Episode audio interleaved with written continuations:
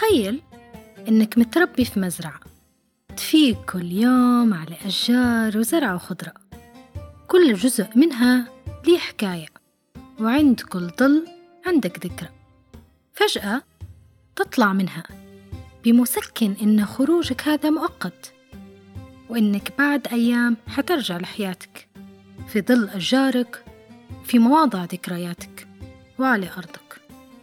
هذا باختصار شديد وصف مبسط للنكبة الفلسطينية اللي طلع فيها الفلسطيني مهجر من أرضه وحياته.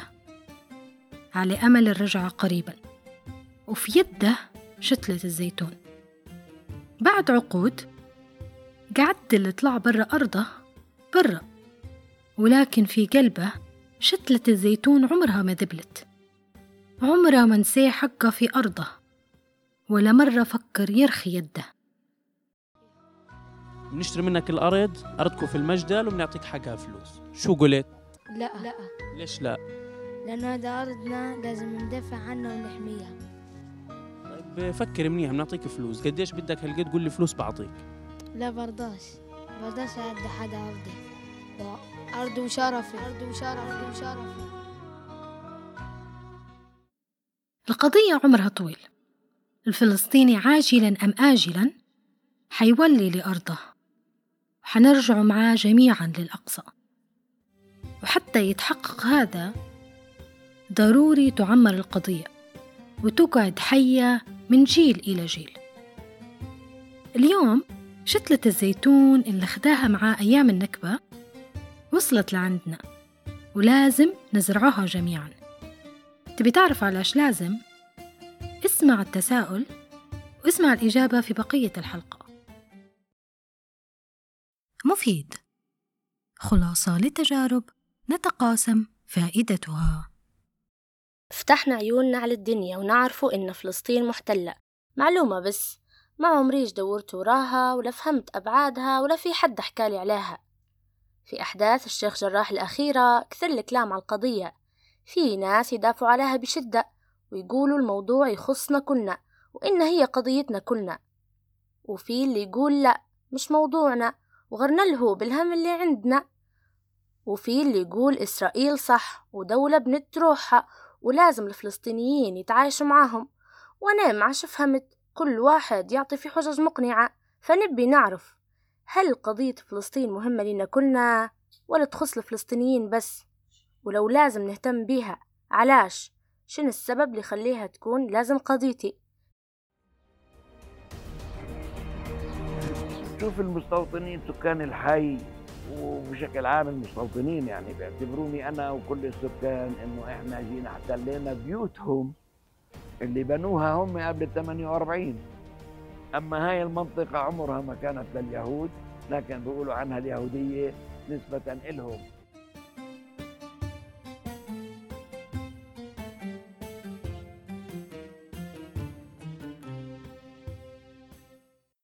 بسم الله الرحمن الرحيم. آه، والصلاة والسلام على سيدنا محمد وعلى آله وصحبه أجمعين. آه، السؤال يتبادر لهالبناس اللي هو موضوع علاش قضية فلسطين مهمة لنا وعلاش إن هي يعني المسلمين مركزين عليها بشكل كبير. يعني هي فعلا تمس المسلمين؟ آه، وإلا أن هي قضية إنسانية بصفة عامة يعني موضوع الظلم وموضوع كذا. الحقيقة الموضوع موضوع فلسطين بحد ذاته واللي صاير يعني أساسا أساسا هو موضوع آه، إسلامي وأيضا موضوع إنساني في نفس اللحظة. كيف؟ لو بنجي نتكلم إحنا من موضوع من نبدوها من جانب الإنساني إحنا. تمام؟ البشرية كلها في حول العالم متفقة على مبادئ أساسية اللي هي موضوع مثلا العدل وموضوع آه انه كل حد ياخذ حقه. تمام؟ فاللي صاير ظلم بكل المقاييس الإنسانية بغض النظر عن الدين. فناس كانت في أرض جو محتلين طلعوهم من أرضهم واخذوا أحياشهم ومزارعهم وقتلوا شعبهم. فهذا من الناحية الإنسانية ما فيش عاقل لما يدرك الحقائق هذه أنه هو يقعد حاير أنا وين مكاني. نجو القضية الثانية اللي هي القضية العقدية أو القضية الإيمانية. المحتلين اليهود الصهاينة جايين محتلين الأرض هذه بناء على عقيدة مغلوطة هم مألفينها يعني بعض القادة منهم مالفين الموضوع هذا فتوارثوا الشيء هذا يعني. موضوع أنه آه الأرض هذه ملكهم وليهم وبيبنوا عليها الهيكل ويعني في موضوع موضوع مجموعة هيك عقاد آه، محرفة وغير دقيقة وغير صحيحة بحيث إنهم باش يحتلوا الأرض هذه. تمام؟ فبناء عليها مبررين لنفسهم إنهم يديروا اللي يبوه. عادي إحنا نقتلوا ونديروا كذا هم ناخذوا إحنا الأرض هذه. هم للأسف كاتبين حتى على شعبهم فيقولوا لهم إن الأرض كانت فاضية ما فيها حد. يعني هم جو كانوا هم كان أرض فاضية وجو هم بي بيستعمروها وبيبنوها وكل شيء. يعني ناكرين إن في شعب فلسطيني عايش في الأرض هذه.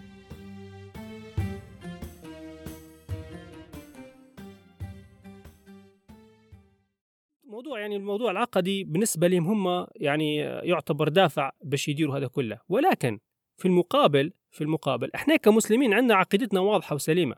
يعني هي كأن مع القضية الفلسطينية أو قضية المسجد الأقصى بصفة خاصة هي موضوع عقدي بالأساس.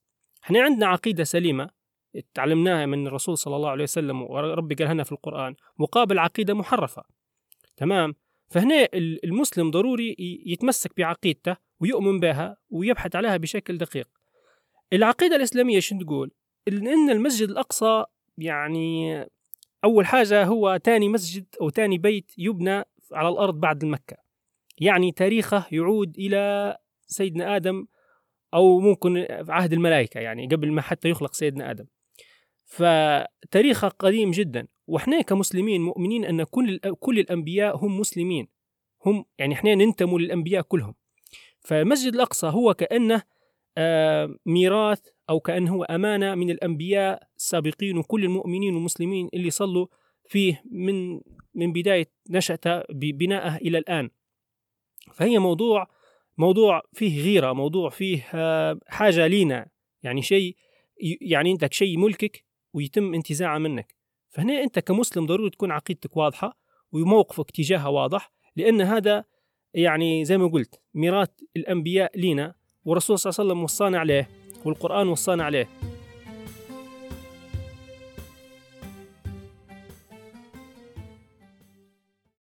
وربي سبحانه لما تكرر موضوع المسجد الأقصى ذكر صراحة في سورة الإسراء فقال سبحان الذي أسرى بعبده ليلا من المسجد الحرام إلى المسجد الأقصى الذي باركنا حوله لنريه من آياتنا. هنا طبعا واضح يعني دليل صريح واضح أن المسجد الأقصى وما حوله أرض مباركة. أيضا في قصة سيدنا إبراهيم وسيدنا لوط ربي قال في القرآن ونجيناه ولوطا إلى الأرض التي باركنا حولها. يعني يعني واضح. إحنا كمسلمين لازم نعرفوا أن الأرض هذه ما هياش أرض عادية. أيضا الأحاديث للرسول صلى الله عليه وسلم اتكلم عن الموضوع هذا يعني في أكثر من حديث. أنا حنذكر حديث ولا اثنين كمثال فقط. ففي ففي الحديث اللي يتكلم فيه على فضل الصلاة في المسجد الأقصى مقارنة طبعا بصلاة في المسجد النبوي في النهاية منه ذكر قال ولنعم المصلى هو بهي. وأيضا شين قال؟ وليوشكن أن يكون للرجل مثل شطن فرسه من الأرض حيث يرى منه بيت المقدس خير له من الدنيا وما فيها يعني باختصار معناه الحديث هذا يقولك لو شخص غادي يقعد يحصل زي ما قلنا مكان شبر يقعد فيه يشوف من المسجد الأقصى عينك تلاحظ تشوفه طول مباشرة قال لك خير من الدنيا وما فيها.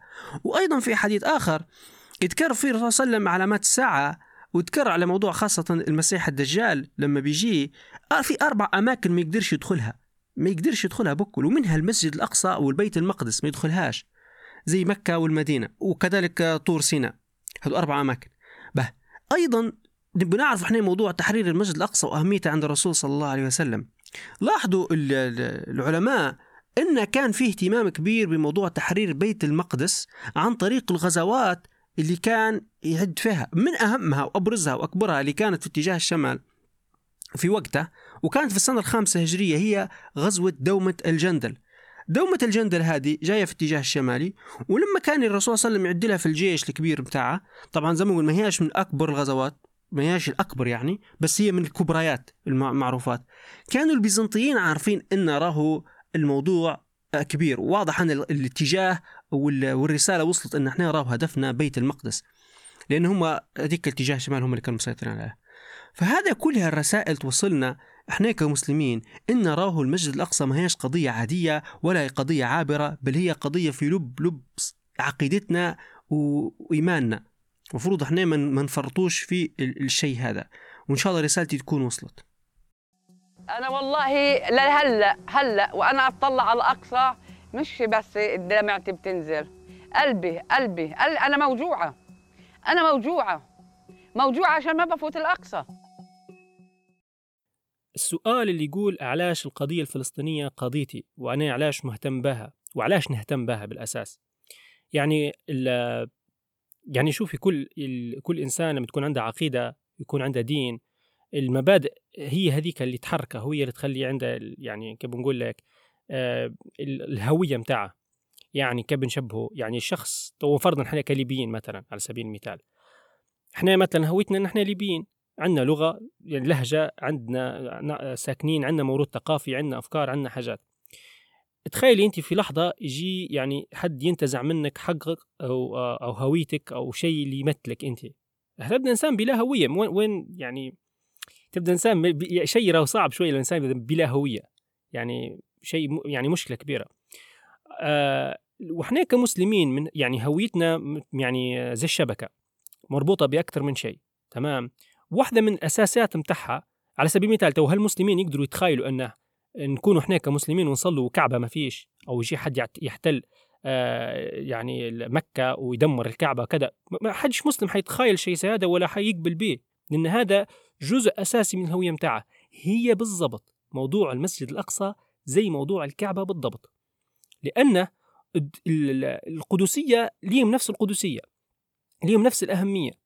يعني في يعني في ديننا صح ال- المسجد الأقصى تو حاليا يعني ما لكن هو كان قبل هو القبلة الأولى قبل ما يبدأ ال- الكعبة هي القبلة الأولى. مش معناها كان أصبحت ما عادش ولت هي القبلة معناها ما عادش لا بالعكس. يعني هي أرض مباركة وبنيت يعني سبحان الله في حديث لأبو ذر ال- الغفاري إن الرسول صلى الله عليه وسلم قال له أي بيت وضع على الأرض أول؟ قال المسجد الحرام. قال ثم أي؟ قال المسجد الأقصى. قالوا ما بينهما؟ قال أربعين سنة. يعني إحنا بين المسجد يعني بين- بناء الكعبة وبين المسجد الأقصى أربعين سنة فواضح أن اللي بناهم هو نفس الشخص. يعني بني الم- ال- الكعبة بعد أربعين سنة مشي بني المسجد الأقصى فيوريك أنه هم يعني مترابطين مع بعضهم. وحتى رحلة الإسراء والمعراج انطلقت من المسجد الحرام إلى المسجد الأقصى.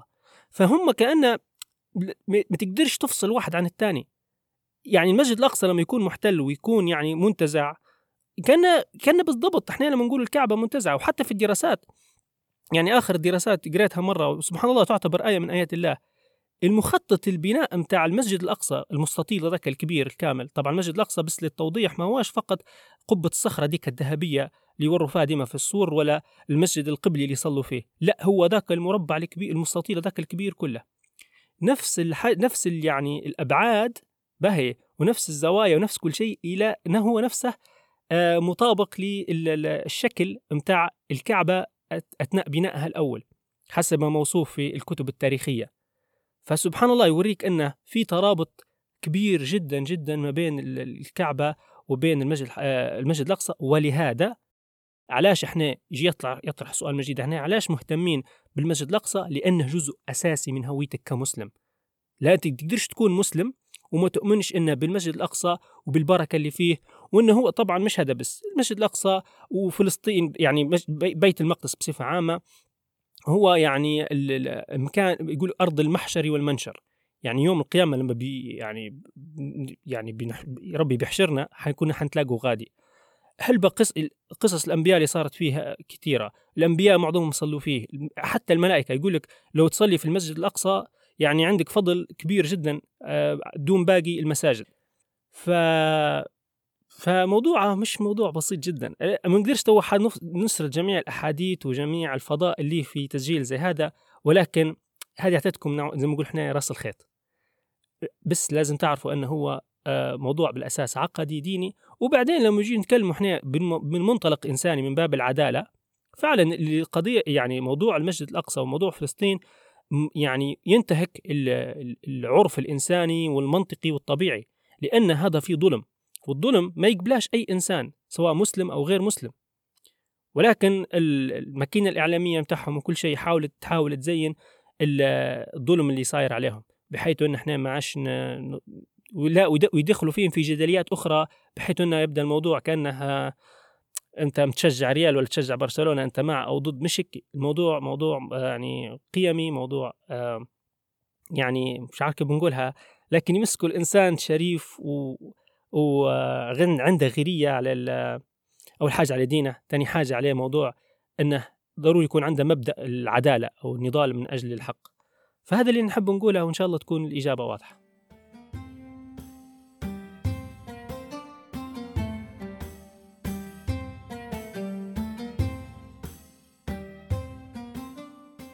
علاش لازم تزرعها؟ لأنها مسألة إنسانية عقائدية ومسألة دين ولأن أول خطوة في المشوار هي الاقتناع بأحقيتك كمسلم في المسجد الأقصى وبأحقية الفلسطينيين في أرضهم. سواء حتزرعها توا أو هي موجودة في نفسك خلينا نفكروا ونجاوبوا كيف تزرعها وتحافظ عليها في الحلقات الجاية. راح أفوت الأقصى راح أفوت الأقصى راح أفوت الأقصى. لو بحبي حبي راح أفوت الأقصى. لا من حقي أفوت الأقصى. من حقي أفوت الأقصى. وأنا مش بعيدة عن باب الأقصى. هيا باب الأقصى 10 متر بعيد عني